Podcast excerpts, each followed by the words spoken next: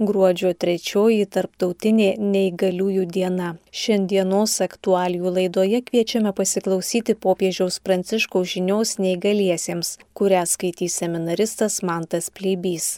Antroje laidos dalyje girdėsime Valakupių reabilitacijos centro socialinių projektų darbuotojos, dirbančios su projektu nuo globos link galimybių bendruomenių paslaugų plėtra, Dovilės Sabaliauskaitės ir Liutauro Sarapino pokalbį. Mėly Marijos radio klausytojai, gruodžio trečiąją dieną visame pasaulyje minima tarptautinė neįgaliųjų žmonių diena. Šią progą popiežius Pranciškus atkreipia dėmesį į žmonių su negale gyvenimą. Šios dienos minėjimo temai popiežius parinko žodžius iš Evangelijos pagal Joną. Jūs esate mano draugai. Popiežius Pranciškus kreipėsi. Brangus broliai ir seserys, jūsų tarptautinės dienos proga norėčiau tiesiogiai kreiptis į jūs, gyvenančius bet kokios negalės būsenoje, ir pasakyti, kad bažnyčia jūs myli ir kiekvienam iš jūsų reikia, kad atliktumėte savo misiją tarnaujant Evangelijai. Jėzus yra mūsų draugas. Tai jis pats pasakoja savo mokiniams paskutinės vakarienės metu. Jo žodžiai pasiekia mus ir nušviečia mūsų ryšio su juo ir mūsų priklausimo bažnyčiai paslapti. Draugystė su Jėzumi yra neišardoma. Jis niekada mūsų neapleidžia, net jei kartais atrodo, kad tyli. Kai mums jo reikia, jis leidžiasi būti mūsų surastas ir lieka mūsų pusėje, kad ir kur eitume. Mes krikščionis gavome dovaną, prieimą prie Jėzaus širdies ir draugystę su juo. Tai privilegija, kurią turėjome savo gyvenime ir tai tampa mūsų pašaukimu. Mūsų pašaukimas yra būti jo draugais.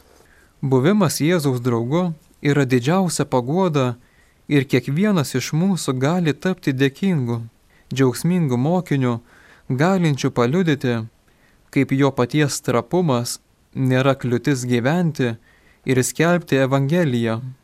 Pasitikėjimas ir asmeninė draugystė su Jėzumi iš tikrųjų gali būti dvasinis raktas, leidžiantis priimti ribą, kurią visi patiriame, ir gyventi susitaikius. Iš jos galim gimti džiaugsmas, pripildanti širdį ir visą gyvenimą. Draugystė su Jėzumi yra kibirkštis, kuri įžiebė entuzijazmo ugnį. Krikštas kiekvieną iš mūsų padaro visą teisų bažnytinės bendruomenės nariu ir kiekvienam suteikia galimybę be atskirties ar diskriminacijos sušukti Aš esu bažnyčia. Iš tiesų, bažnyčia yra jūsų namai. Mes visi kartu esame bažnyčia, nes Jėzus pasirinko būti mūsų draugu. Tai mes norime to išmokti vis geriau ir geriau sinodalinėme procese kurio ėmėmės. Yra netobulųjų bendruomenė, o mokiniai, kurie keliauja paskui viešpatį, jiems reikia atleidimo. Šioje tautoje, kuri žengia priekin per istorijos įvykius, vedama Dievo žodžio, visi yra veikėjai. Tad kiekvienas iš jūsų taip pat pašauktas prisidėti prie sinodinės kelionės.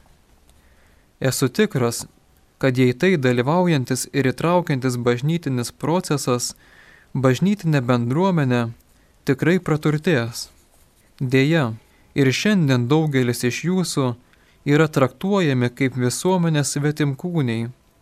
Jie jaučiasi, esantis nepriklausydami ir nedalyvaudami, o vis dar yra daug dalykų, kurie trukdo turėti visavertę pilietybę.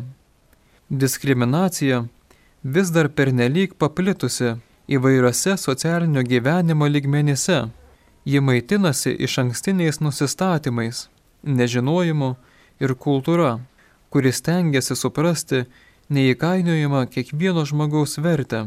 Visų pirma, vis dar atsižvelgimas į negalę, kuri yra socialinių barjerų ir kiekvieno žmogaus ribų sąveikos rezultatas, tarsi tai būtų lyga, padeda išlaikyti jūsų gyvenimus atskirai ir maitina jūsų stigmą. Kalbant apie bažnyčios gyvenimą, didžiausia diskriminacija yra dvasinio dėmesio trūkumas, kuris kartais pasireikždavo neįgimu prieiti prie sakramentų. Magisteriumas šio klausimu yra labai aiškus, o neseniai katechesės vadovas aiškiai nurodė, kad niekas negali atsisakyti sakramentų žmonėms su negale. Diskriminacijos akivaizdoje būtent Jėzaus draugystė, kurią visi gauname kaip nepelnytą dovaną, atperka mus ir leidžia patirti skirtumus, kaip turtą. Iš tiesų, jis mus vadina netarnais, per pus sumažėjusio orumo moterimis ir vyrais, o draugais, patikėtiniais, vertai žinoti viską, ką yra gavęs iš tėvo. Jėzaus draugystė saugo mus išbandymų metu. Gerai žinau, kad COVID-19 pandemija, iš kurios sunkiai išsivaduojame, turėjo ir turi labai rimtų pasiekmių daugelio jūsų gyvenimui. Turiu omenyje, pavyzdžiui, poreikį ilgai būti namuose.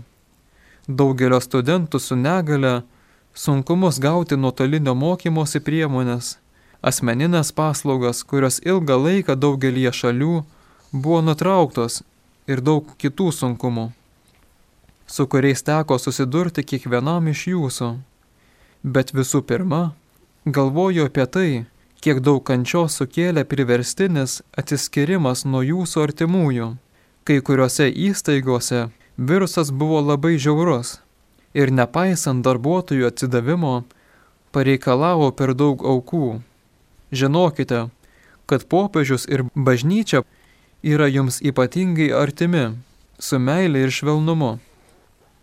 Bažnyčia palaiko tuos iš jūsų, kurie vis dar kovoja su koronavirusu.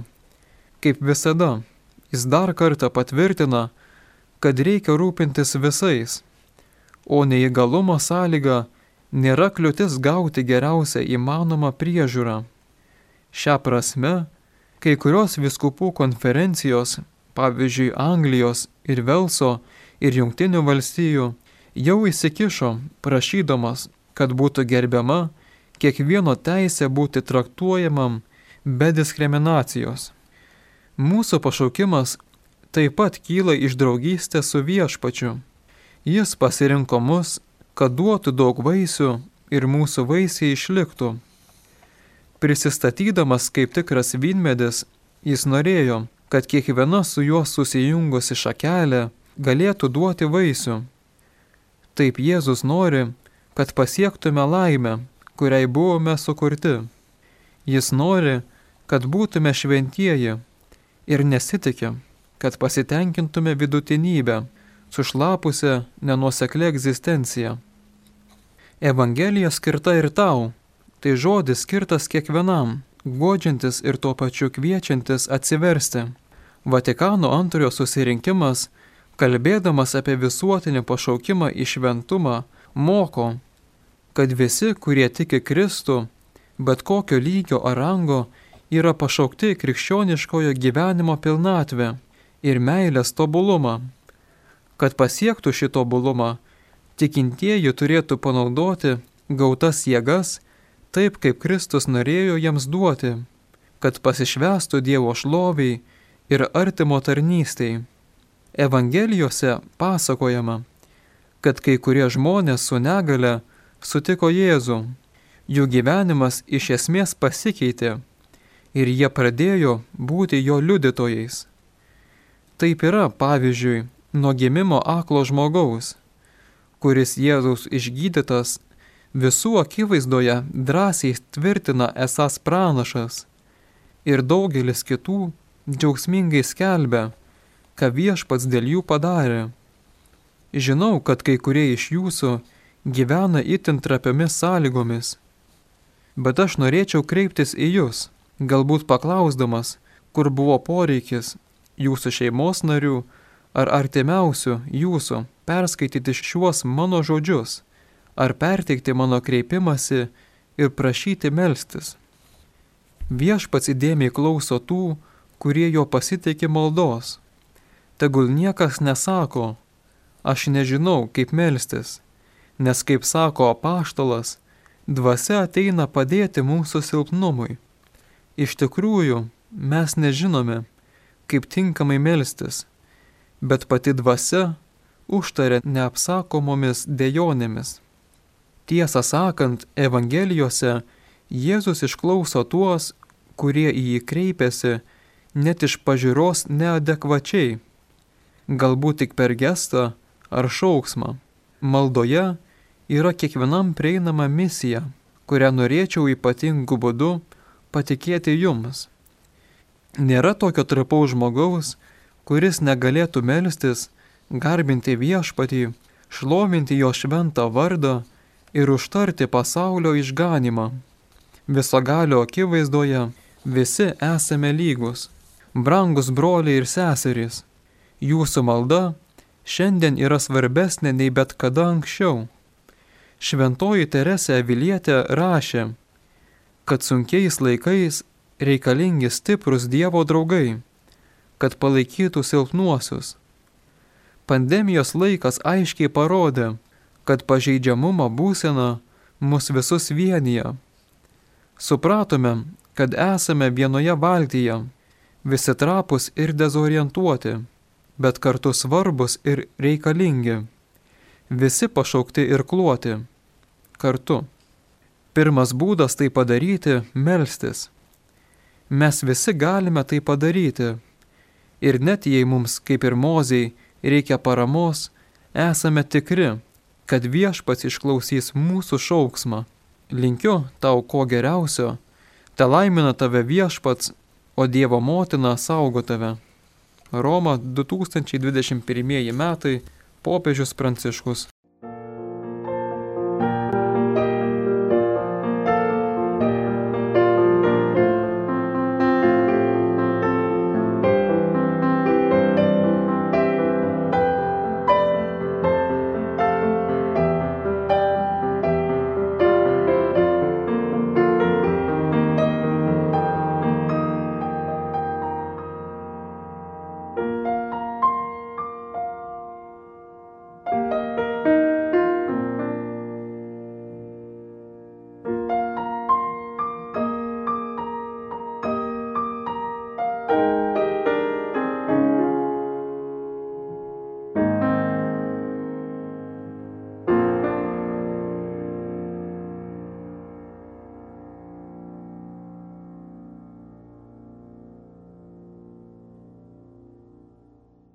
Garbėjai Zikristui malonus Marijos radio klausytojai.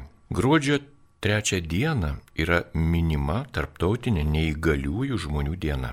Popiežius Pranciškus šią progą prisimena žmonės su negale ir siunčia jiems laišką bei primena, kad bažnyčiai rūpi neįgalus žmonės.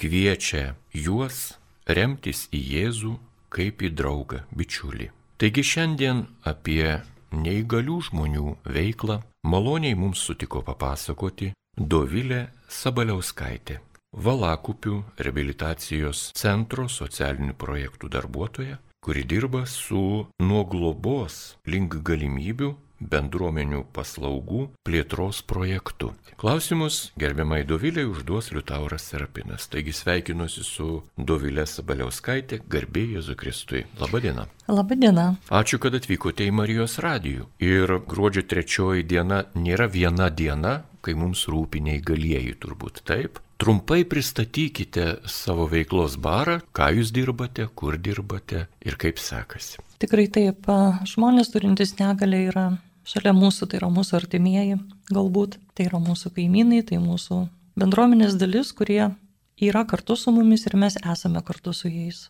Valakupių rehabilitacijos centras yra unikali galbūt įstaiga to, kad jinai tikrai turi didžiulę patirtį, dirbo daugiau kaip 20 metų, teikdama ir vykdydama socialinius projektus, kurie orientuoti yra į žmonės su negale. Ir tai yra įvairiose srityse, ir įdarbinimo srityje, ir profesinio rengimo savo laikų srityje. Šiuo metu vykdo projektą nuo globos link galimybių bendruomeninių paslaugų plėtra, kuris yra apskritai pertvarkos proceso mūsų šalyje sudėdamoji dalis apimanti tokį labai svarbų, mm, svarbę kryptį, labai svarbų, svarbų reiškinį. Todėl, kad Lietuvoje yra tradicija arba likusi ir buvusi tradicija turėti daug globos įstaigų, kuriuose tam tikras negalės turintys žmonės gyvendavo uždarose bendruomenėse.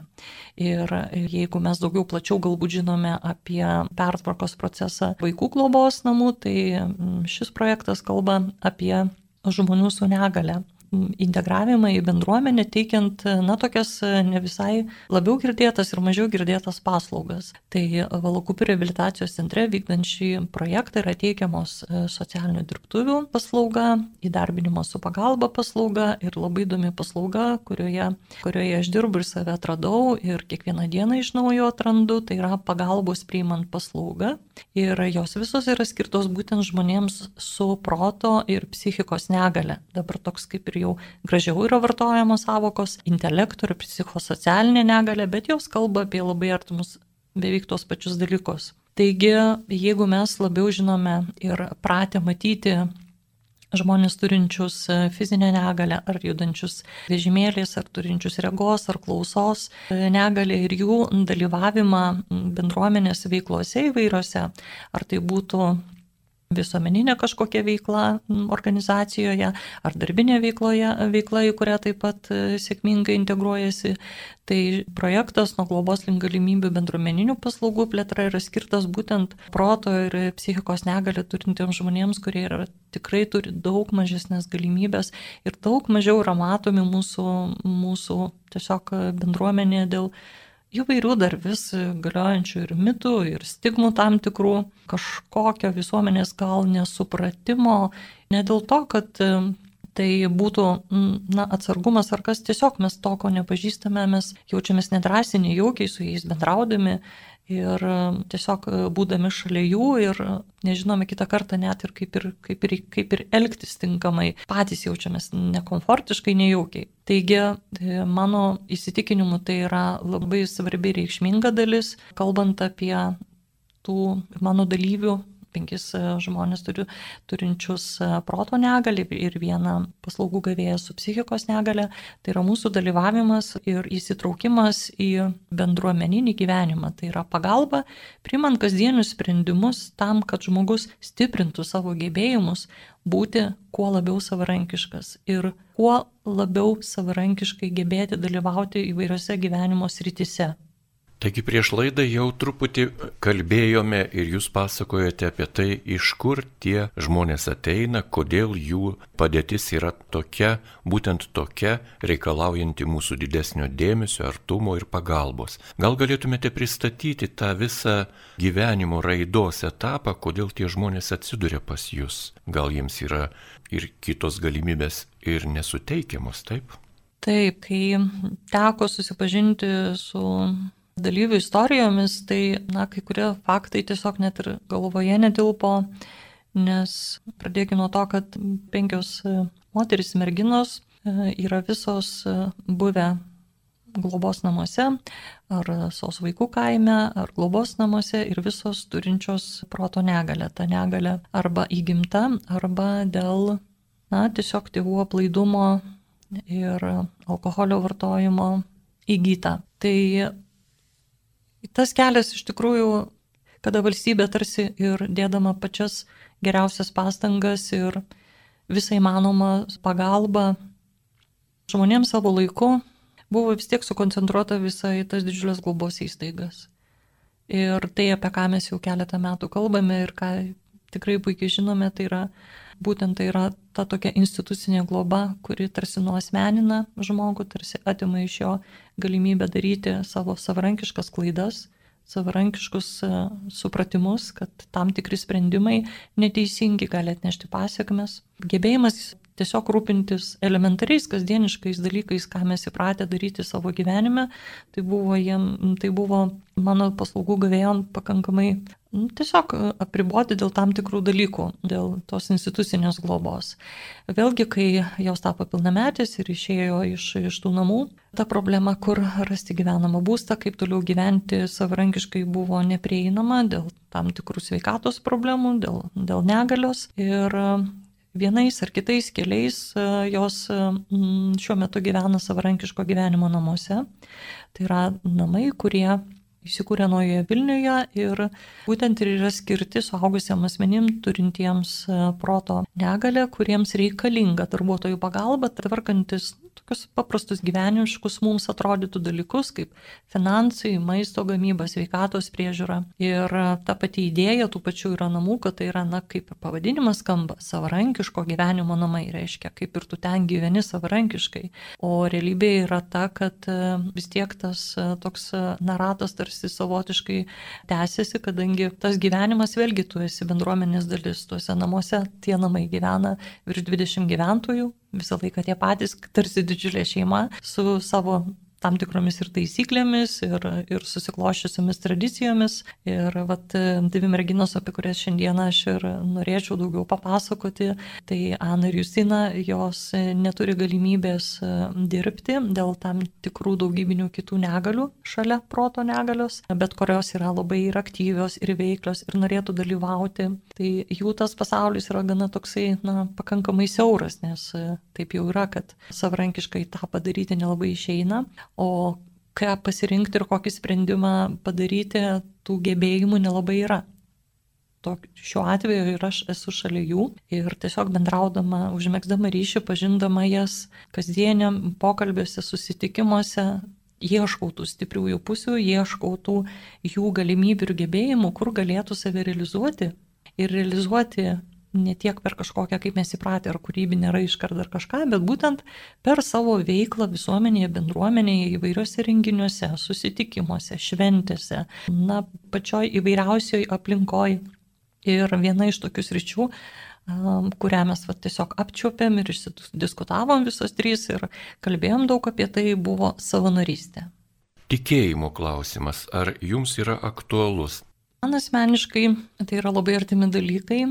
Aš tik tikiu veiklę meilę ir man yra labai svarbu matyti prasme to, ką aš darau, santykėje su žmonėmis ir jausti pilnatvę, jausti reikalingumą savo atliekamo darbo, konkrečiai, ką aš vat, ir dabar pasakojau.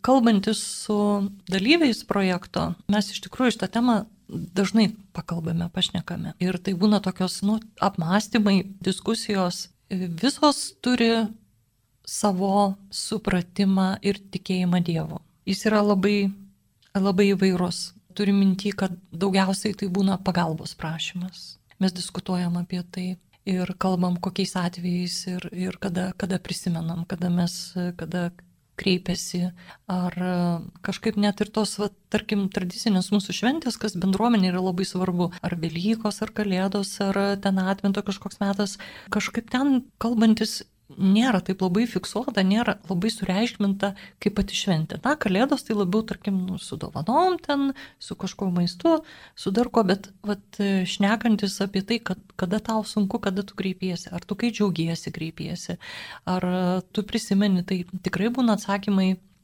būna atsakymai visą laiką, kad taip, aš, aš kreipiuosi, aš, aš žinau. Pamenu, kaip mes vieną sekmadienį į Nemenčinės bažnyčią, čia buvo kaip tik po pandemijos, pirmosios mišios, kada buvo galima jau rinktis į bažnyčią, į pačią erdvę. Tai vėlgi tiesiog man buvo įdomu stebėti, kaip, kaip, kaip, kaip, kaip, kokia jų nuotaika, kaip, kaip jos jaučiasi. Ir truputėlį ten giliai kažkaip klimti neina ten į, į tą tokį dvasinį kažkokį gilų pokalbį, bet iš viso to, ką aš matau, kad tai yra svarbu. Tai yra ta aplinka, kai vėlgi aš sakau, kai išeinama iš to kažkokio rato, kai yra patenkama į kitokią bendruomenę, į kitokią nuotaiką ir dalyvavimą, labai susikaupę dalyvavome mišiuose ir tikrai išbuvo visą, visą tą laiką mišių ir, ir, ir, ir, ir pranešimų visą laiką. Paskui pratėsime tarsi pokalbį irgi kad va, tai yra šalia jūsų, visiškai netoli, čia kiekvieną sekmadienį būtų galima tikrai ir ateiti ir, ir puikiai, puikiai aplinka, nuostabi, graži bažnyčia.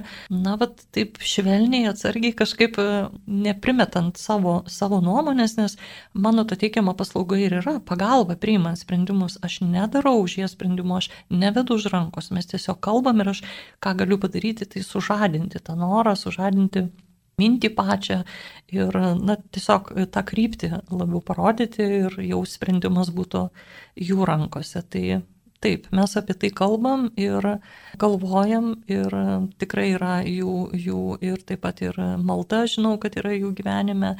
Kaip taisyklė, tai dažniausiai kažkas labai nesiseka arba kai reikia paprašyti. O kaip pavyksta jiems integruotis, va, žmonėms turintiems mąstymo arba psichikos negalę, kaip pavyksta integruotis į religinę bendruomenę? Ir ar tai yra lengvas procesas, ar tai yra sunkesnis procesas, kaip religinės bendruomenės, sakykime, parapija priima mišių, kitų pamaldų metu šiuos asmenys?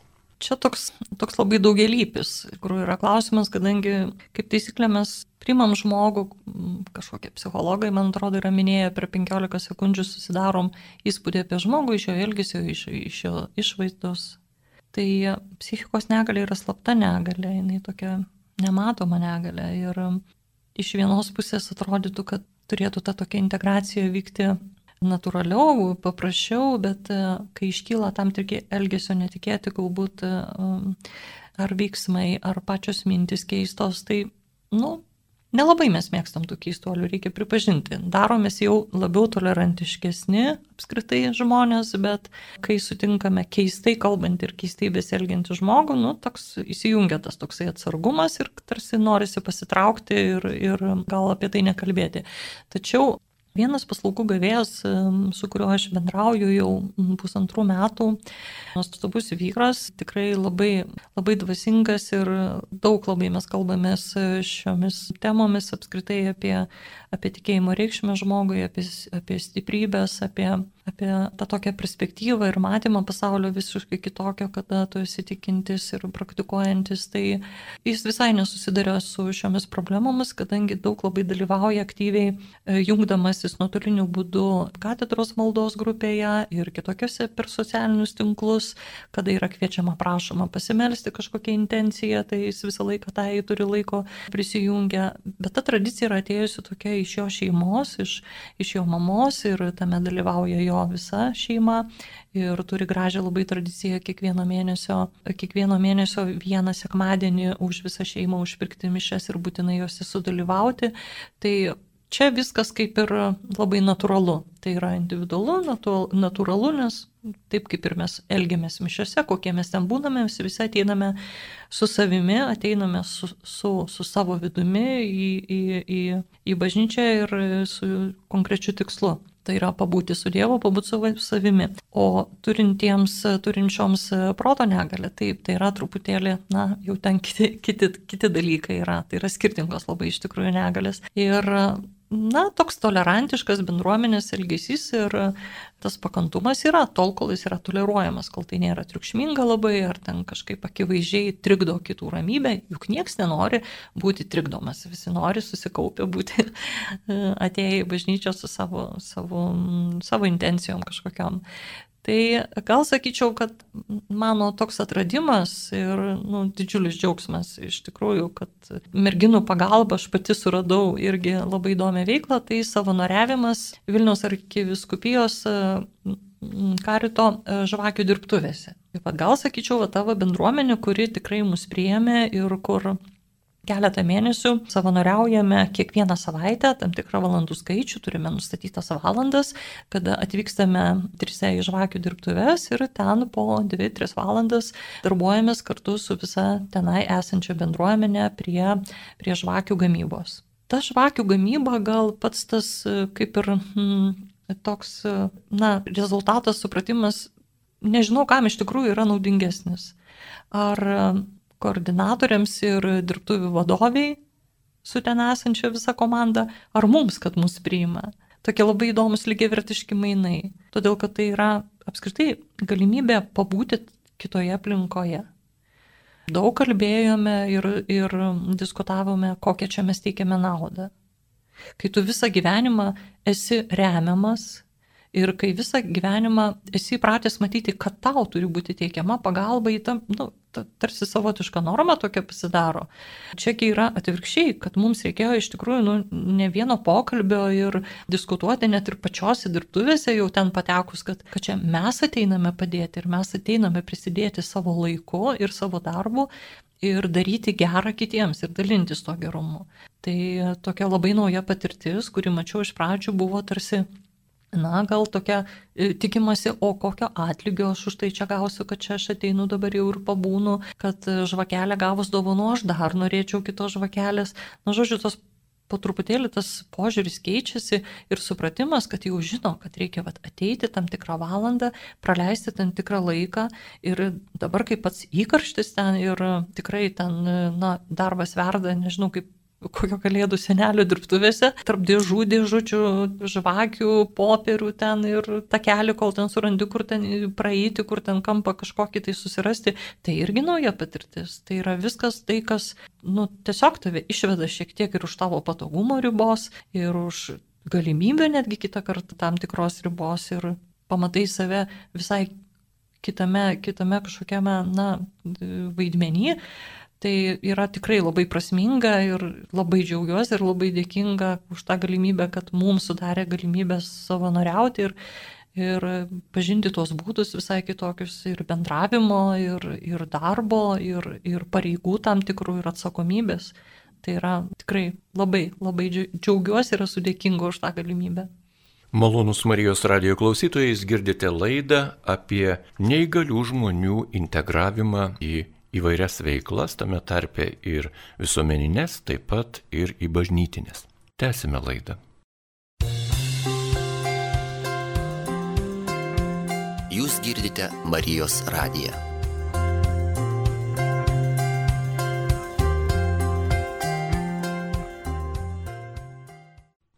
Prie mikrofono Dovilė Sabaliauskaitė, Valakopių reabilitacijos centro socialinių projektų darbuotoja. Jie kalbina Liutauras Serapinas ir kalbame apie neįgalių žmonių indėlį į bendrą visuomenės gėrį. Ir norisi jūsų paklausti, be bejonės neįgalieji jūsų programoje gauna labai didžiulę patirtį ir didelę pagalbą kodėl visuomeniai yra svarbu pastebėti neįgalų žmogų ir jį integruoti. Kokia yra visuomeniai nauda iš neįgalaus žmogaus integracijos. Aš manau, kad e, gerokai esame išaugę ir gerokai esame laisvesni priimti kitokius. Ir va tas e, tolerancijos svarba visuomenėje, manau, kad yra vienas iš tokių kertinių mūsų sugyvenimo ir gerovės, gerovės apskritai visuomenėje pagrindų. Aš čia turiu minti toleranciją apskritai. Kitaip mąstančiam, kitaip kalbančiam, kitaip, nu, kitokią nuomonę turinčiam.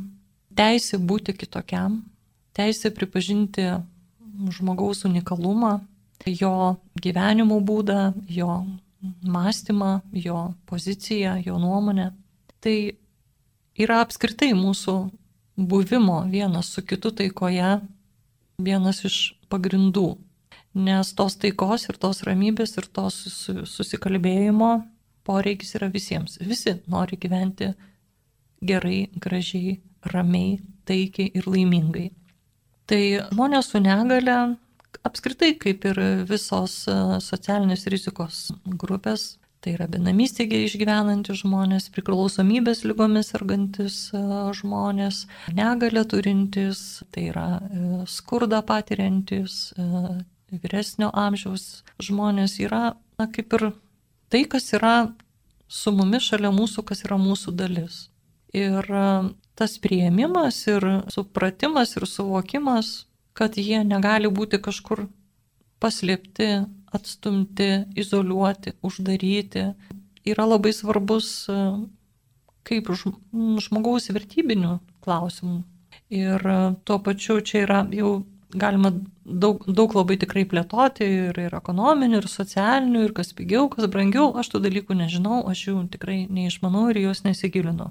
Aš tiesiog suprantu, kad ta artimo meilė ir noras branginti save, moralinės vertybės, branginti šalia esantį žmogų ir, ir yra tai, kas padeda tą žmogų priimti kitonišką, koks jis yra. Sudarant jam galimybės, surandant jo gebėjimus, sustiprinant jo gebėjimus, būti kuo labiau savarankišku. Oriu. Ar šiais laikais neįgalieji žmonės būtent jūsų aplinkoje, su kuriais jūs bendraujate, patiria kokią nors, na, tokią atskirtį, kuri yra viršijanti jų gebėjimus kontroliuoti, arba kitaip tariant, užgožia juos tiesiog. Taip, tai yra labai svarbus iš tikrųjų dalykas žmonėms turintiems, turintiems proto ir psichikos negalę. Pasirodo, Lietuvoje yra 7 tūkstančiai žmonių, kuriems, kuriems yra apribotas, apribotas veiksnumas. Tai yra būtent tie žmonės turintys proto arba psichikos negalę. Tai reiškia, kad šių konkrečių 7 tūkstančių žmonių atžvilgių apskritai visą gyvenimą sprendžia kiti žmonės. Visas, visas gyvenimo sritis sprendžia ar jų artimieji ir specialistai. Kalbant apie projekto dalyvius e, nuo globos link galimybių bendruomeninių paslaugų plėtra ir apie vat, tai, ką mes šiandien diskutuojame, pagalbą priimant sprendimus, teikimą paslaugos, tai vėlgi tai yra žmonės turintys psichikos ir proto negalę, kurių sprendimus ir gyvenimo pasirinkimus vis tiek e, įtaką daro specialistai, kiti žmonės.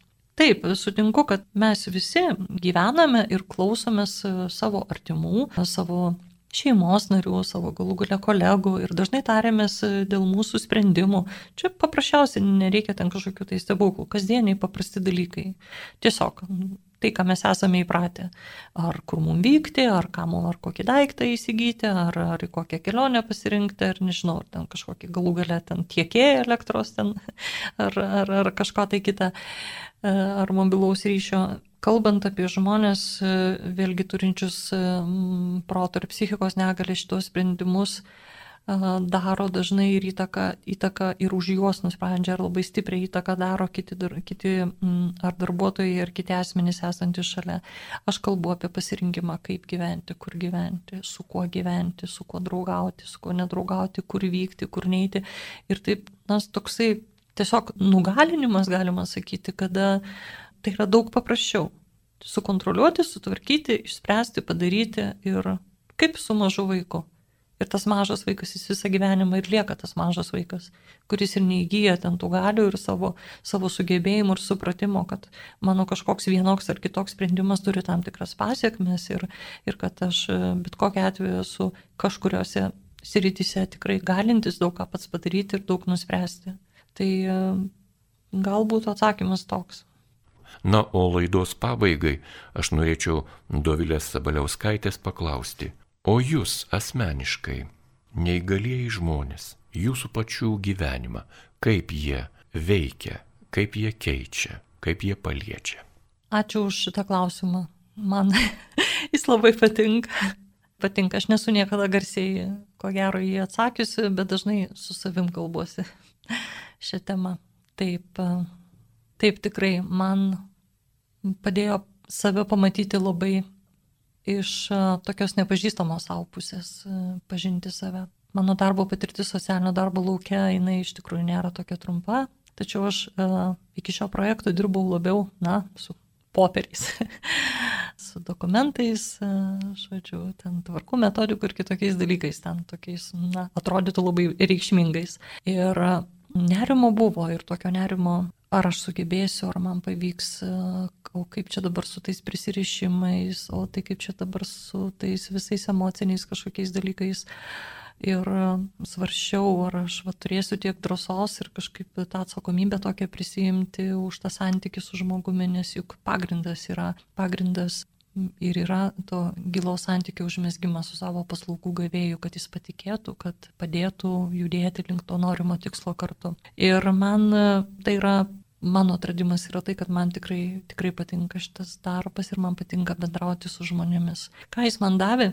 Tokį žemiškumo gal pojūtį. Turiu minti, kad e, paprasti dalykai, kaip gali žmonės, turėdami na, tokias ribotas galimybės, tokius ir finansinės, ir fizinės, ir, ir protinės galimybės, kaip gali na, tiesiog įimti tą savo gyvenimą, kurti jį ir džiaugtis mažais dalykais. Ir tiesiog, na, tokio gyvybingumo ir tų natūralaus džiaugsmo labai tokio saugę žmonės, bet to vaikiško tokio apsidžiaugimo džiaugsmo mažais dalykais. Tokio na, gal nekonstravimo savo gyvenimo dešimtmečiais į priekį su tam tikrais simboliais ir ženklais, koks aš čia turėčiau būti ir ką jau pasiekti, bet tokio buvimo, buvimo čia ir dabar ir, ir, to, ir tos akimirkos išgyvenimo su pilnomis emocijomis ir liūdėsio ir tokiu pilnu ir, ir, ir džiaugsmo, Taip, tai mano, tarkim, tą tokią supratimą ir, ir prieimimą ir, um, ir kitokio, apskritai, žmogaus šalia, šalia buvimą, jo prieimimą man labai išplėtė, tiesiog mano pačios supratimą visą. Manau, kad tai yra labai svarbi mūsų visuomenės dalis ir reikalinga mūsų pačių jautrumui ugdyti.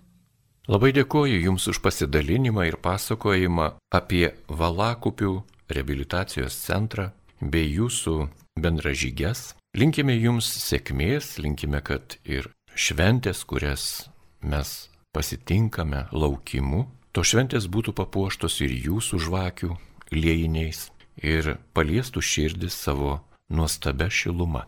Taigi šioje laidoje apie neįgalių žmonių integravimą į visuomenę pasakojo Dovilė Sabaliauskaitė. Ja kalbino Liutauras Serapinas linkime pasilikti ir toliau su Marijos radiju.